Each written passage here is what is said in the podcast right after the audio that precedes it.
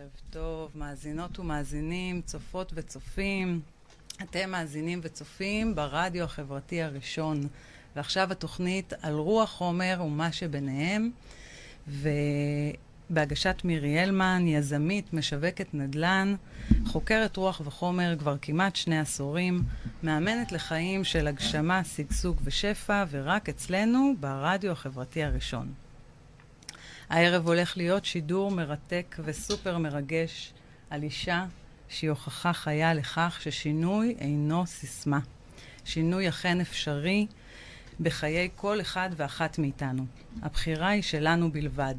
הכוח להאמין בעצמנו בכף ידינו. מכאן גם השמיים אינם הגבול. נשים וגברים, בואו לעוף איתנו יחד בשידור הזה. רגע לפני שנצא לשיר פתיחה, הורידו את האפליקציה של הרדיו החברתי הראשון לנייד שלכם. אתם יכולים לצפות בנו גם באפליקציה וגם באתר הבית שלנו בכל עת, על ידי חיפוש פשוט של הרדיו החברתי הראשון בגוגל. לאלו שצופים בנו בפייסבוק, אם השידור מתנתק, אתם מוזמנים מיד להיכנס לאתר הבית או לאפליקציה ולצפות בנו בלי הפרעות ובלי תקלות כל הזמן. אנחנו נצא לשיר ראשון בכדי לאפשר למי שעדיין לא הצטרף להיות איתנו מבלי לפספס שום דבר. לכם שכבר איתנו, יישארו איתנו, שתפו את השידור אצלכם, שעוד רבים ואחרים יוכלו ליהנות מהשפע הזה. אז uh, תמי, יקירתי, רגע לפני שאנחנו נעשה את ההיכרות אחרי השיר, בחרת את השיר uh, "בת לי פתאום"? כן. רוצה אה, לספר למה דווקא אותו? כן. אה, כשראיתי אותך לפני שבועיים או שלושה, כשפגשתי אותך, וראיתי שמישהי מבינה על מה אני מדברת ועל מה אני חושבת, ואני לא צריכה להתחיל להסביר כל הזמן, הרגשתי שכאילו באת לי פתאום. וראיתי את הרכות שלך, וראיתי את ה... ש... שווית את ליבי, כמו שאומרים. ובאמת. ו... כששאלת אותי איזה שירים אני רוצה, אז על השיר הזה אני חשבתי. והיה עוד דבר, כשחשבתי היום, למה, למה חשבתי על השיר הזה? למה בחרתי בו? אז אני חושבת שעמוק בפנים, את מאוד מזכירה לי את אותי כשהייתי בגילך, עם הנחישות שלך ועם העשייה שלך ועם ההחלטיות שלך, ויש פה איזשהו משהו שמצטלב. אז לכן בחרתי בשיר הזה. איזה כיף. גם את באת לי פתאום, לגמרי. אני זוכרת שאמרתי לך את זה אה, בפעם הראשונה. אמרתי לך, וואי, איזה מהממת את. אז אמרת לי, את רואה בי אותך. זה לא זכרתי. אז את רואה, הנה, השארת את זה בסך הכל. אז אנחנו יוצאים לשיר המדהים הזה, בא לי אותך, של, uh, בת לי פתאום, סליחה, uh, של קרן פלס ורוני אלתר. תהנו ממנו, ואנחנו מיד מיד חוזרים.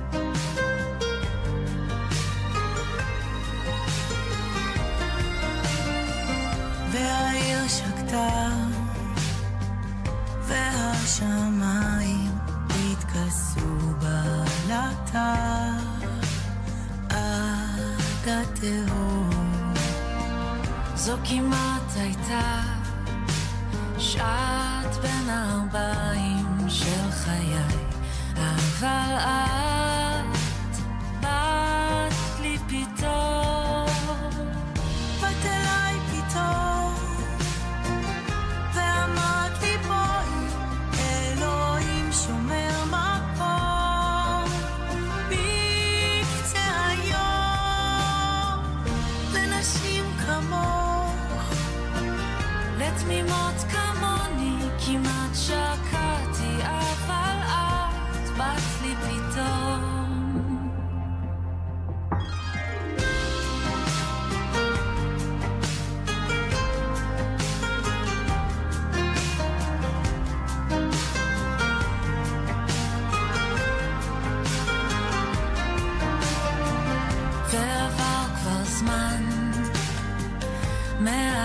התחלת איתי במסע שלי עד כאן, אין חרטות. כי היה מעונן, כבר כמעט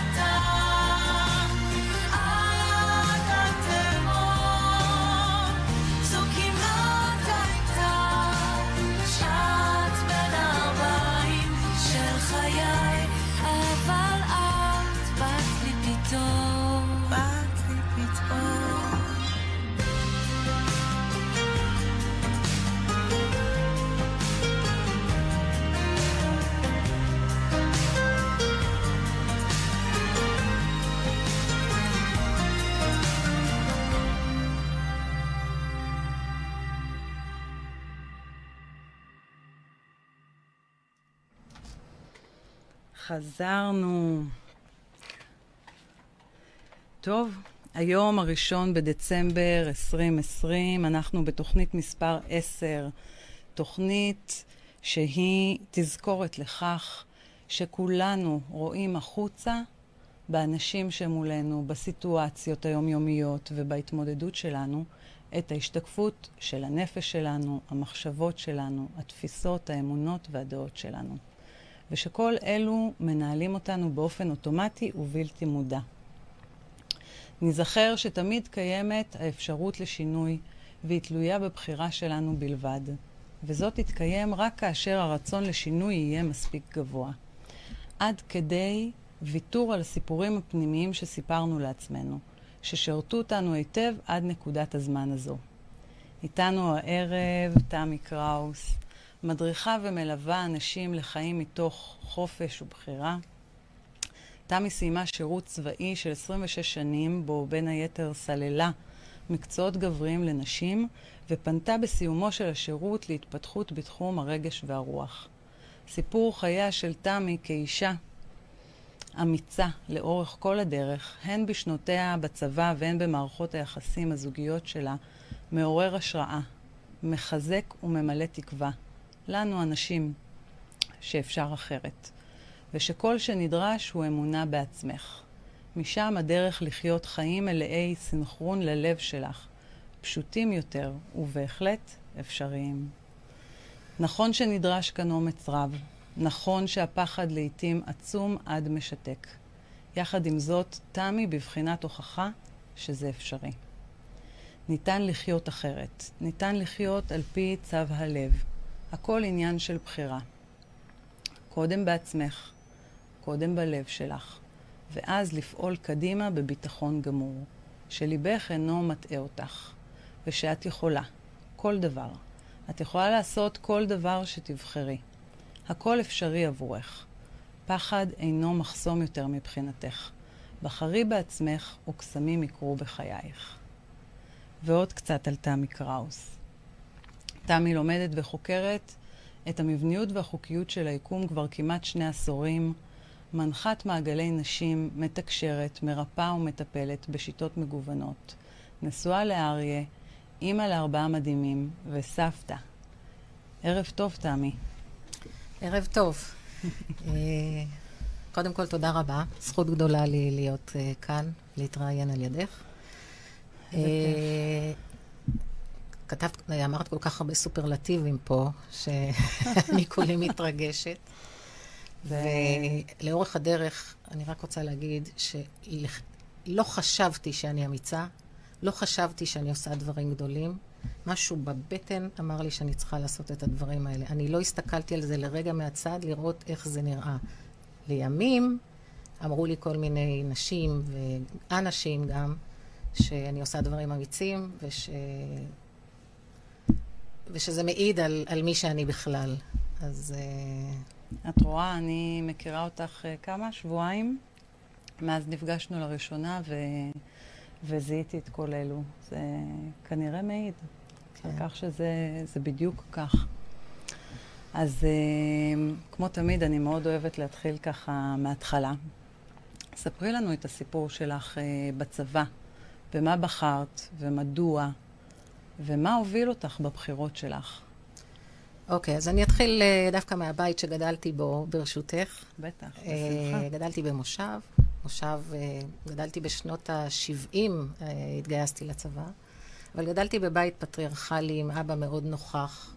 אימא נכחה בש... בשקט שלה, אבל היא... לא ידענו שהיא נוכחת. Uh, בגיל ההתבגרות איפשהו, הבנתי ש...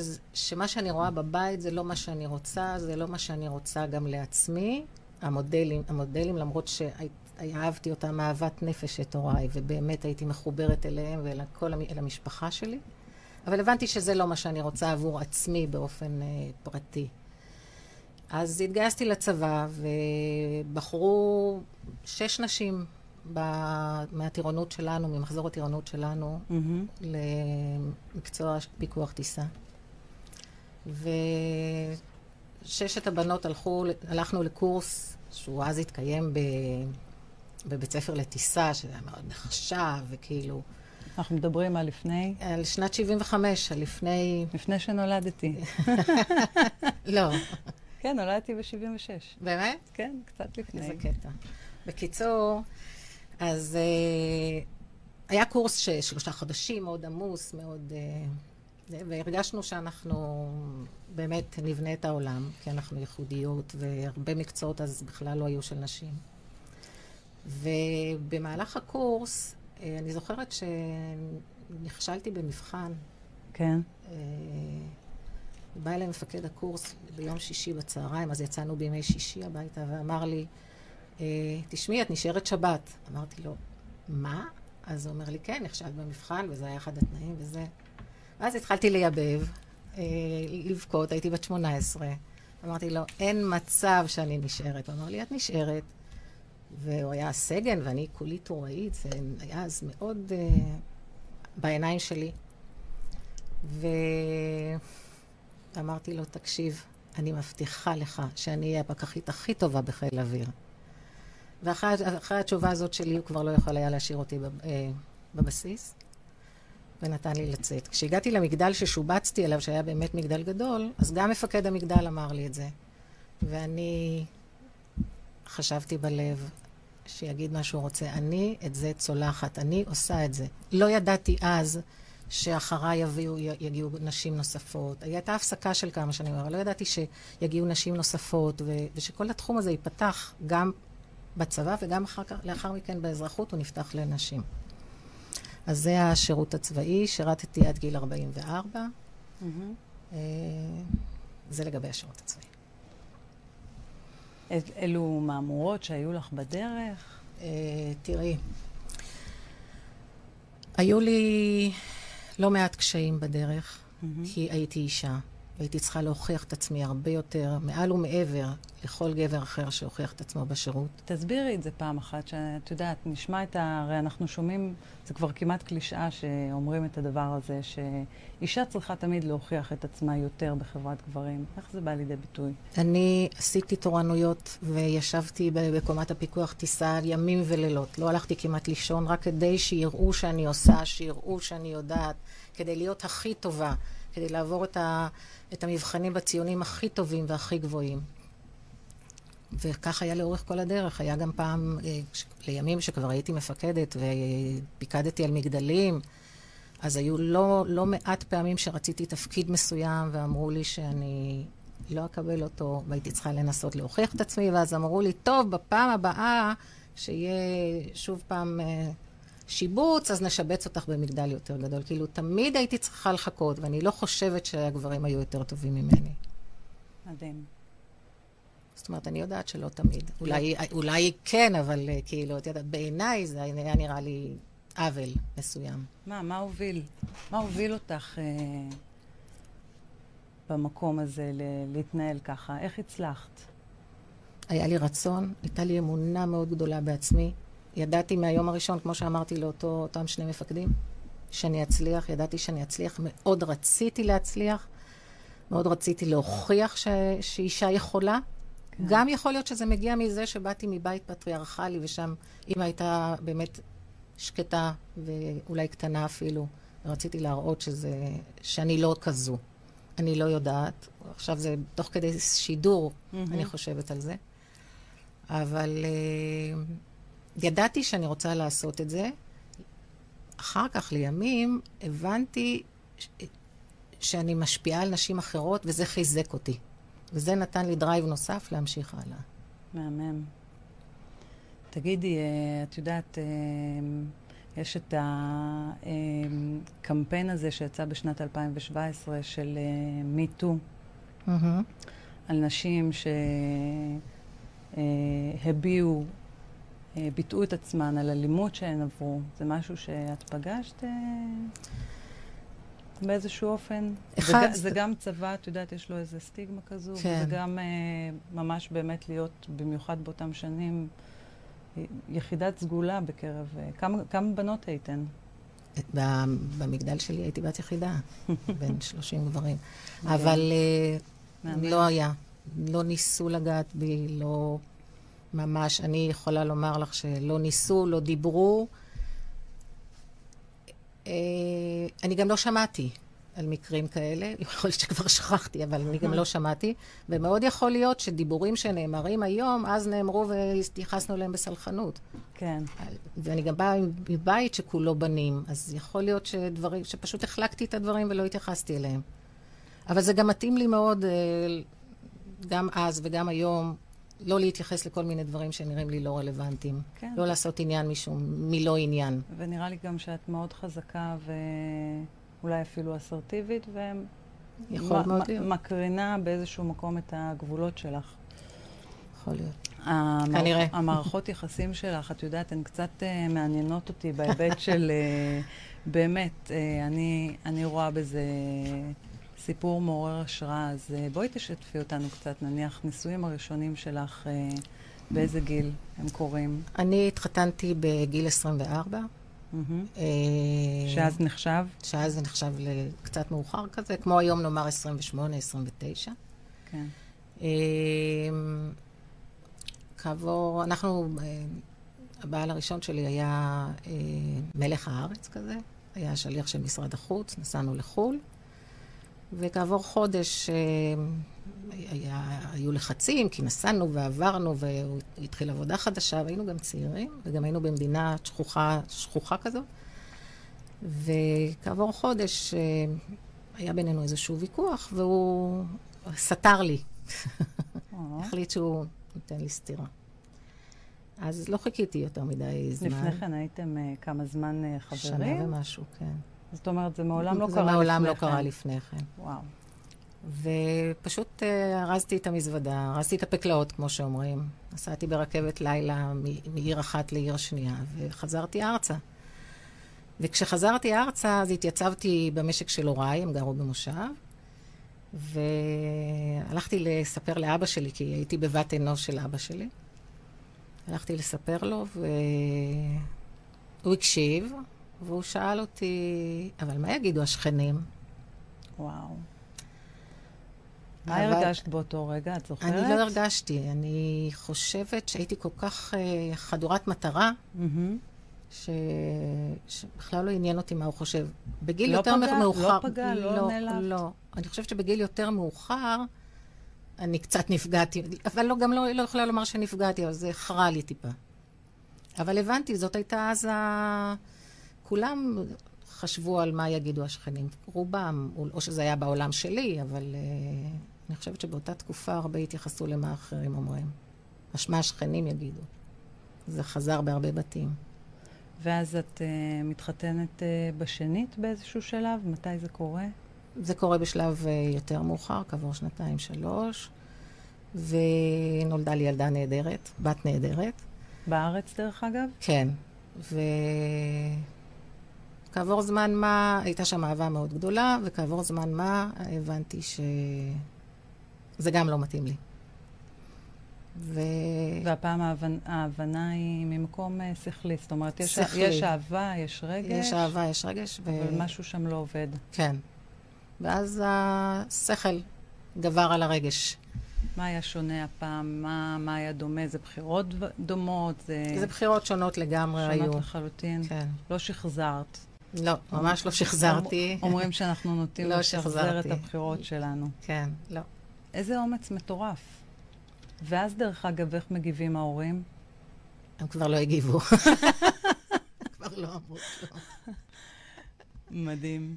ואת עדיין אה, ככה החלטית, נחרצת. כן, וכעבור... אה, הילדה אה, באיזה גיל? היא בת שנה כשאנחנו נפרדים, שנה, שנתיים. עד איזה שהיא- אומץ, תמי, זה מטורף מה שאת מספרת, זה ברור לך?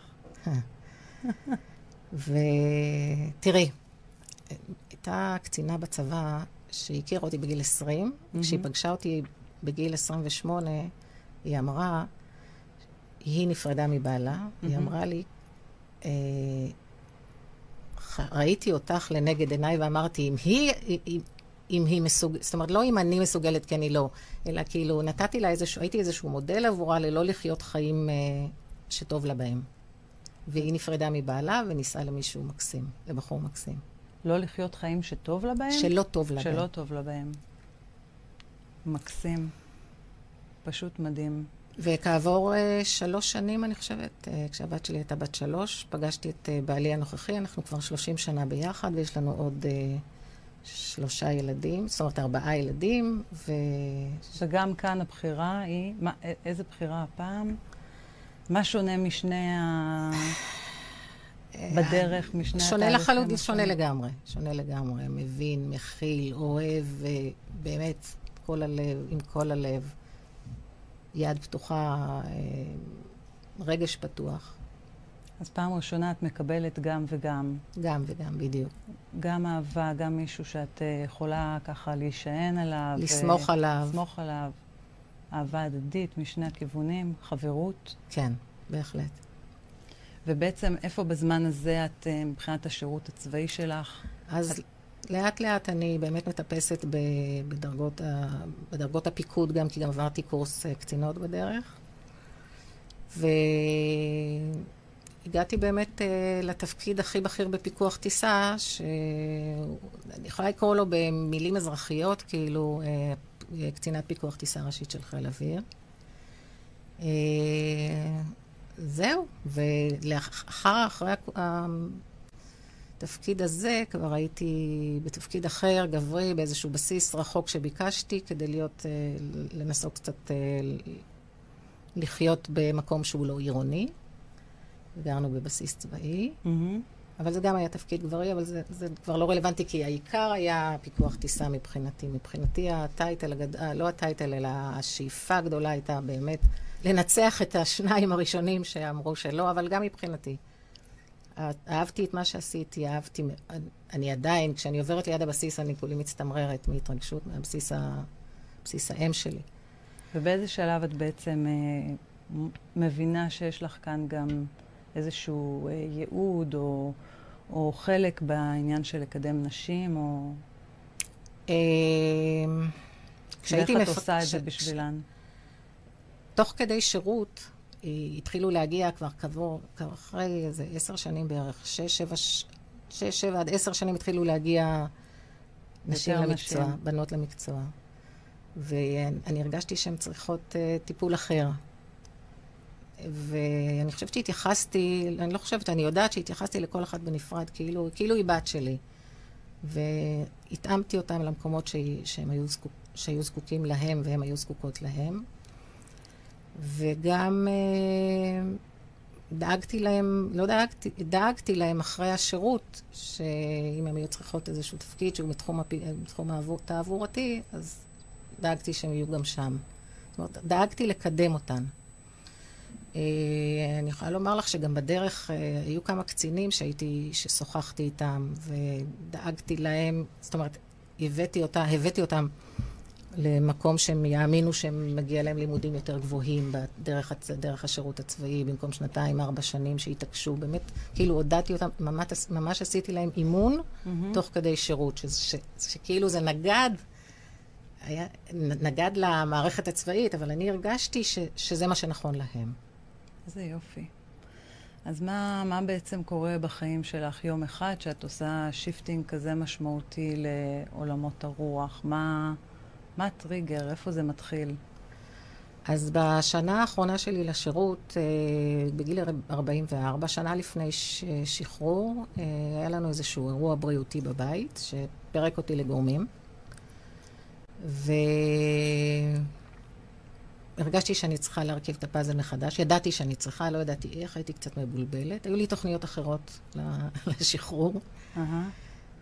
אה, איבדתי אמון ברפואה הקונבנציונלית. אה, בגלל אותו אירוע. מהמם. גם היו לי כמה, לפני כן כבר היו לי מחשבות. והחלטתי שאני מתחילה ללמוד אה, כל מיני, כל מיני לימודים אלטרנטיביים. ולמדתי תזונה, ולמדתי המון מקצועות. אה, מה שלא תשימי עליו אצבע, למדתי.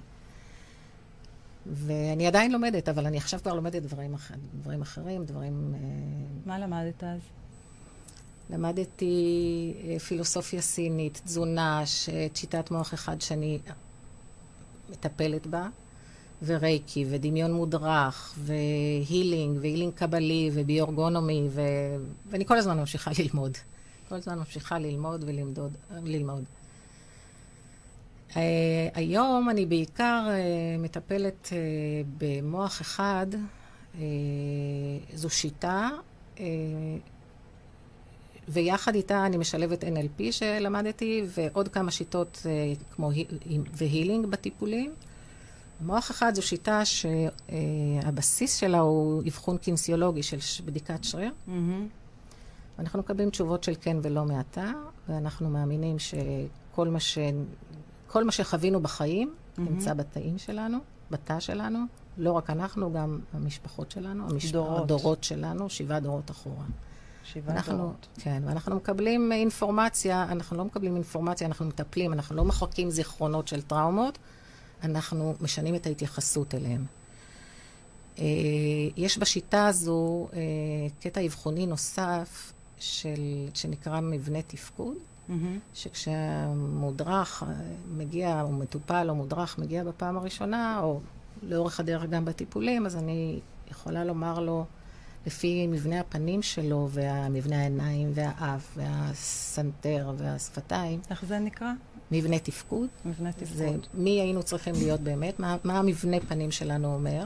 מה זה אומר מי היינו צריכים להיות באמת? למשל, אה, יכול להיות שנולדתי אה, אה, נדיבה, אבל החיים לימדו אותי לא להיות נדיבה, אז אני יכולה לראות את זה בפנים. Mm, אז, מקסים. אז אני... עכשיו, כשמישהו יש לו איזה שהן בעיות רגשיות, אז mm-hmm. זה בגלל שהוא לא מביא את עצמו את האמת שלו, את הייחודיות שלו לידי ביטוי. אוקיי? את כן. למשל, יש לך אה, שפתיים מאוד נדיבות, זה בא לידי ביטוי בשפתיים. בעלך שומע? זה גם עניין של שיעורים, אגב. מה זאת אומרת עניין של שיעורים? של נדיבות יתר אולי. את צריכה לדעת ש...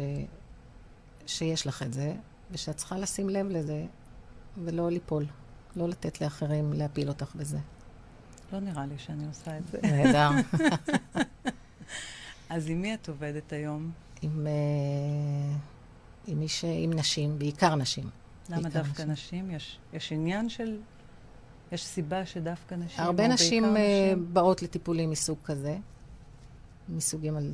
יותר שכיח יותר שנשים שכיח מגיעות. שנשים מגיעות, למרות שלאחרונה אולי הגיעו גם, אה, מתחילים גם גברים להתעורר לתחום הזה. אה, הגברים שאני מכירה לא מגיעים לתחום הזה. לא? לא. אה, מה, לטיפול? לא, גברים לא מגיעים לא. אה, הרבה לטיפולים לא. מהסוג הזה, נכון? ממש לא. ואני חושבת שנשים הן אלה שמביאות את השינויים בדרך כלל הרגשיים, הן אלה שמכילות בבית את בני המשפחה יותר, והן אלה שקשובות יותר, והן צריכות להביא את עצמן, והן רוצות לעשות שינוי, כי... אה, אני לא יודעת אם כולן מודעות לזה ממש, אבל אה, כשאנחנו עושים שינוי, כשאני עושה שינוי, אז כולם מסביבי משתנים יחד איתי. נכון. אה, זה, זה כמו אדוות, זה משפיע כמו אדוות. השינוי משפיע ממש כמו אדוות.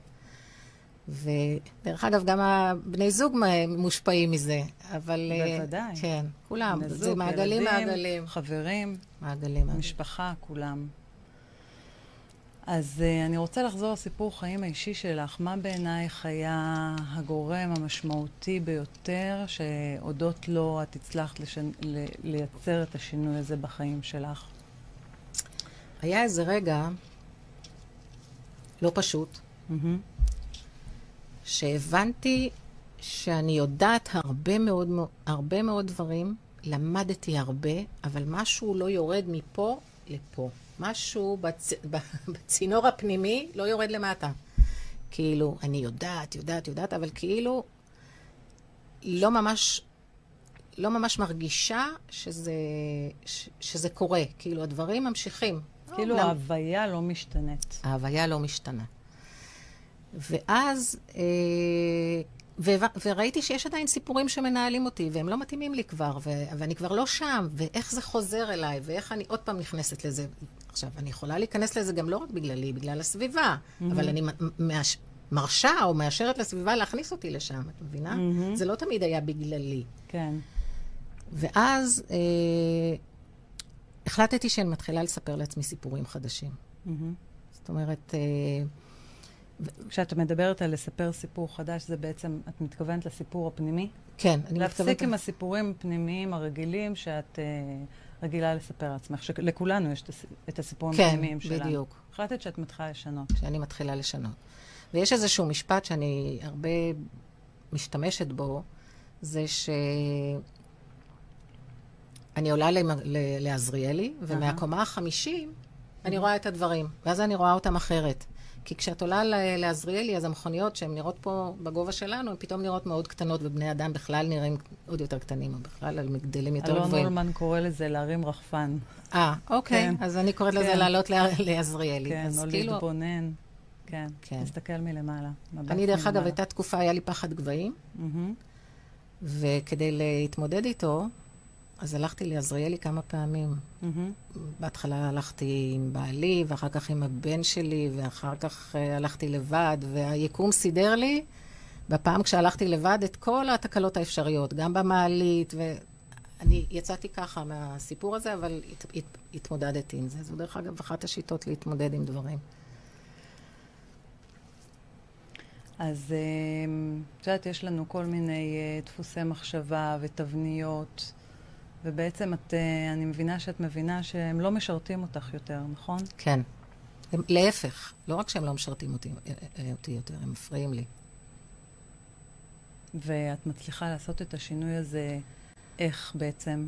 תראי, קודם כל, באמת היה לי ידע עצום. יש לי ידע עצום. כן. אבל כשקיבלתי את ההחלטה הזו, היה לי באמת ידע עצום, וזה הדברים התיישבו על, על הידע הזה. אני עוסקת במודעות כבר 20 שנה. מהמם. אז אולי זה היה טיפה יותר פשוט, כי, אבל יש פה דרך שצריך לעשות אותה. ו... מה בעיקר התחלת לשנות? התחלתי, למשל, אם נכנסה לי מחשבה, מהמם. שידעתי ב mind, ידעתי שהיא לא מתאימה לי יותר, כן. אז הייתי מזיזה אותה הצידה. איך הייתי מזיזה אותה הצידה? אז יש, אפשר, יש כמה אפשרויות. יש אה, אפשרות אחת, אני יכולה להגיד, אינני מזדהה עם המחשבה הזו. מהמם. ואז אני חוזרת על זה מספר פעמים, מהמם. כמו פטפון, אינני מזדהה כן. עם המחשבה, אינני מזדהה.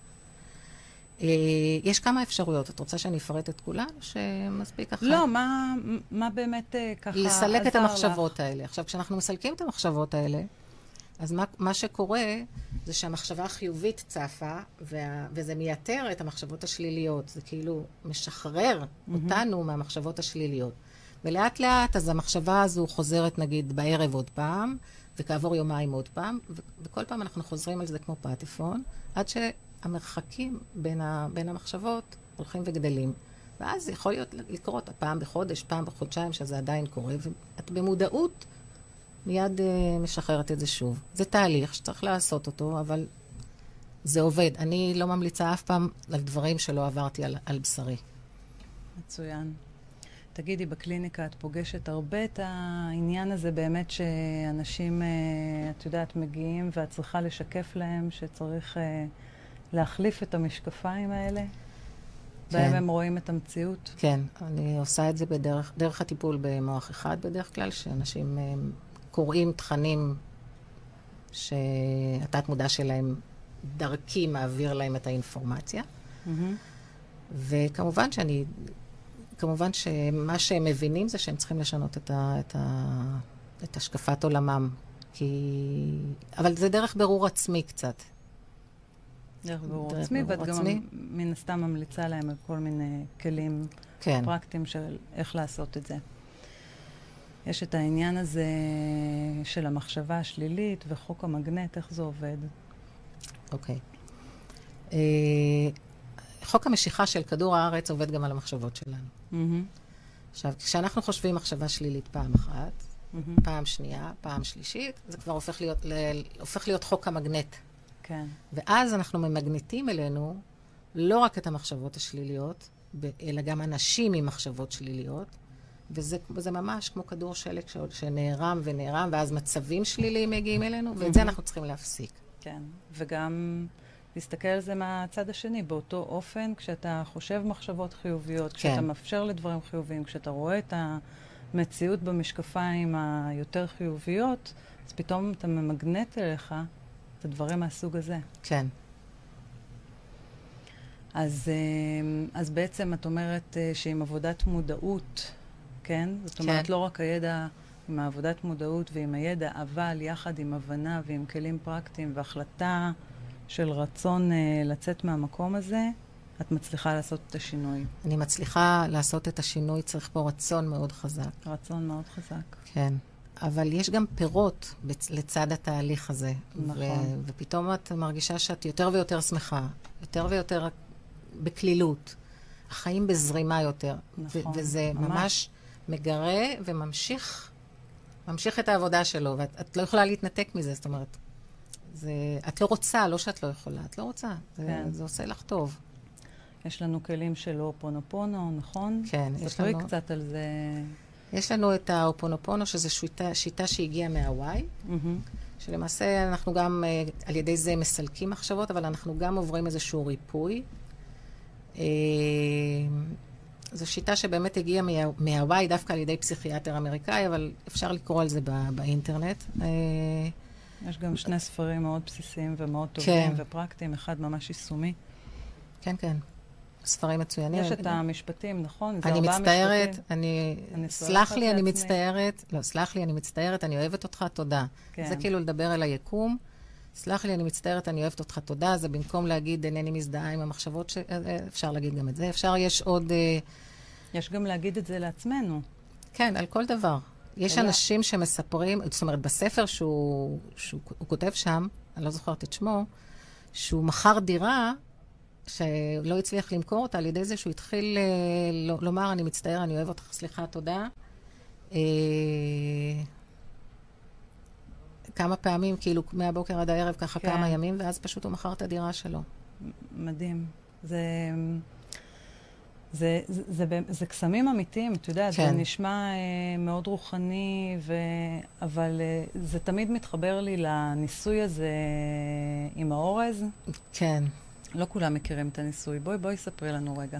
אה, בישלו אורז לבן, שמו בשתי צנצנות. בצנצנת אחת כתבו אה, אהבה, שמחה, דברים חיוביים. מהמם. בצנצנת השנייה כתבו, אני שונא אותך, אתה עלוב, כל מיני מילים שליליות. והאורז הלבן נשאר, סגרו את הקופסאות האלה, שמו אחת ליד השנייה, האורז הלבן נשאר לבן גם כעבור חודש, והאורז הלבן השני, עם המילים החיוביות נשאר לבן, ועם המילים השליליות השחיר. אמ, מה עוד אה, אני יכולה? לא, אז בעצם את אומרת אה, את הדבר הבא, אוקיי? אה, מה שסביבנו, שאנו רואים שקיים בתוכנו, אנחנו בעצם אה, יכולים להתחבר לתדר של הבריאה, לתדר של אהבה, אנחנו יכולים להתחבר לדברים החיוביים, נכון? כן. ואז אנחנו נראה גם במשקפיים אחרים. זאת אומרת, גם אפשר לבחור את המשקפיים, אבל גם אפשר פשוט לבחור בתדר אחר. כן. ואז גם המשקפיים משתנות. כן, זה, ד- זה, זה מה מוביל את מה, זה כמו הביצה כן. וה, והתרנגולת. אפשר להחליט מבחוץ פנימה, שעכשיו אני מתחיל, מתחילה לחשוב חיובי ובאמת לעשות את מה שדיברנו עד כעת. ואפשר גם להתחבר, אגב, להתחבר, להתחבר לבריאה, להתחבר לאמונה. אה, אני לא גדלתי בבית מאמין, להפך, בית של ניצולי שואה שבחרו לא להאמין יותר. אה, ואיך אנחנו מתחברים לתדר הזה? איך אנחנו מחברים, מתחברים לתדרים האלה, התדרים החיוביים והעוצמתיים האלה של היקום? על ידי מדיטציה, אה, על ידי באמת הרגעה והיכנסות פנימה.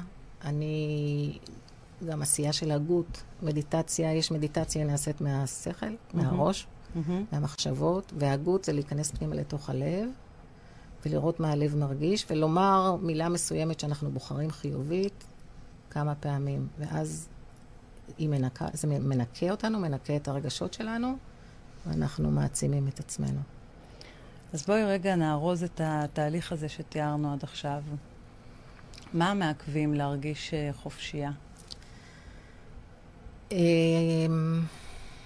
היעדר אהבה עצמית אמיתית, נכון?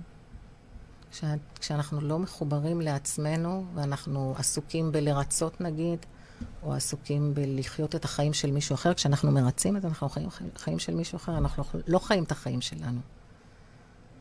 ואנחנו אף פעם לא יודעים אם אנחנו בסדר או לא בסדר, זה כבר גם, גם מעלה אשמה. זאת אומרת, אה, יכול להיות שאנחנו מרצים והצד השני בכלל במקום אחר ולא רוצה את זה, רוצה משהו אחר. אז היעדר אהבה עצמית, היעדר קבלה עצמית. היעדר קבלה עצמית, הכלה לעצמי. שיפוטיות. שיפוטיות. ביקורת. ביקורת, לשחרר את השיפוטיות שגד, שגדלנו איתה. אה, למי שגדל עם שיפוטיות, רובנו גדלנו עם שיפוטיות גם בבתי הספר, גם במערכות, במסגרות. וגם אה, חוסר של ידע, אנחנו לא תמיד יודעים את הדברים האלה. אוקיי, אני קוראת לזה תמיד אה, כמו תינוק שנשבע בשפה יותר אה, של היהדות. זאת אומרת, אנשים לא נולדים עם הידע הזה, זה ידע שאתה הולך ומחפש אותו ולומד אותו. צריך את הידע, אחרי זה גם צריך את הרצון, את כן. הבחירה. כן. לעשות את השינוי, כי ידע הוא לא מספיק בשביל לעשות שינוי באמת. ממש לא. צריך לחבר אותו ללב, צריך לחבר אותו לבטן. ולזכור שאנחנו במסע. ולזכור שאנחנו במסע. אני רוצה רק עוד דבר אחד ככה לומר לך. אני רואה שאנחנו צריכות לסיים. כן, אנחנו צריכות לסיים. שפרענו מהר מאוד. כל החוקיות וכל ה... כל, האנר... כל מה שאנחנו לומדים היום בכל מיני מקומות על היקום, mm-hmm. על הבריאה, על הקוסמוס הגדול הרחב הזה עם הגלקסיות, כתוב ביהדות, כתוב לפי, ביהדות הקדומה מלמדים את זה. את מה? את החוקים האלה. מלמדים אותם בשפה אחרת אולי, אבל mm-hmm. הכל כתוב שם, ופשוט יש לנו מקום נהדר. והחוקים שקיימים ביקום, הם, הרבה מהחוקים קיימים גם בתוכנו, וברגע שאנחנו מבינים, קודם כל יודעים, ואז מבינים ומפנימים את זה, אפשר לחיות את החיים באופן כן. שונה. כן, כמו בדיוק. לדוגמה, כמו... כמו לדוגמה כוח המדיטציה, mm-hmm. כוח הגרביטציה, סליחה. כוח המשיכה. כוח המשיכה, כן. כן. אה, אני, אני בכלל, אה, עלה לי רעיון כשנערכתי לשיעור הזה, לשידור. שידור הזה, כן. שאם אנחנו היינו מבינים את החוקים של איך הבריאה הזו עובדת, אז היינו, והיה לנו סדר בתוכנו, כמו הסדר בחוץ של, של הכוכבים ושל הגלקסיות, היינו במקום נפלא. אבל אנחנו כאן בשביל זה. אנחנו בשביל ללמוד את זה. אנחנו כאן בשביל ללמוד את זה, להתנסות בזה ו... ולעלות בתדרים. מדהים. לעבור מימדים. אנחנו חייבות לסיים. עברנו הכי מהר בעולם ויש לנו עוד כל כך הרבה, אבל אולי נעשה לנו איזושהי תוכנית המשך. בשמחה. מתאים לך? כן. מהמם. אמ, היית רוצה אה, להזמין, או את יודעת, אולי אנשים שומעים והיו רוצים אה, לבוא לייעוץ כזה או אחר? ספרי בכמה מילים מה... אז אה, ככה, מה שיש אצלי על הפרק עכשיו זה, יש לי מפגש נשים בימי רביעי, אחת לשבועיים, אני מזמינה נשים להתארח. להתארח, לבוא למפגשים. Mm-hmm. יש לי, בנר רביעי של חנוכה אני עושה ערב הדלקת נרות באווירה של קסמים ואווירה מיוחדת. אז גם כן, הכל אנחנו נשים את הפרטים בתגובות. אין בעיה.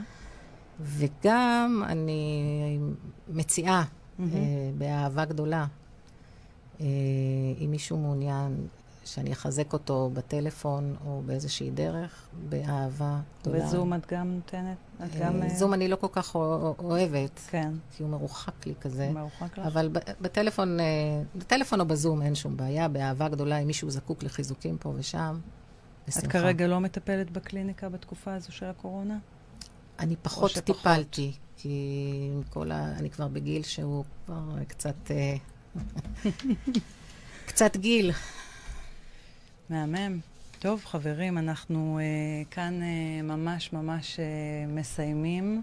עבר לנו מהר מאוד. תודה שהייתם איתנו. שבוע הבא, עמית והגר דרור המדהימים, זוג יוצאי שירות הביטחון שהחליט לבחור את הדרך בה הם יחיו את חייהם תוך שאיפה לחופש כלכלי, שיאפשר להם לחיות uh, כפי שיבחרו. Uh, מוביל אותם uh, סיפור שינוי כזה שלהם. והבחירה למקום של שליחות והשפעה, של ייעוד והגשמה, והם נחושים לעזור לעזור לכל מי שרק ירצה להשיג חופש כלכלי שיאפשר לו לחיות את חייו כפי רצונו הוא. אז מחכה לנו שידור מרתק, מעורר השראה ומלא ערך. אל תפספסו, תרשמו לכם ביומנים שלישי הבא, שעה עשר בלילה, פה איתנו, ורק ברדיו החברתי הראשון. ליל מנוחה לכולם. תודה שהייתם איתנו. תודה, מירי. תודה, תודה רבה, תמי, אהובה. תודה, תודה, תודה. אנחנו שולחים אתכם לשבוע חזק של בחירה בעצמכם, רק אהבה. לילה טוב.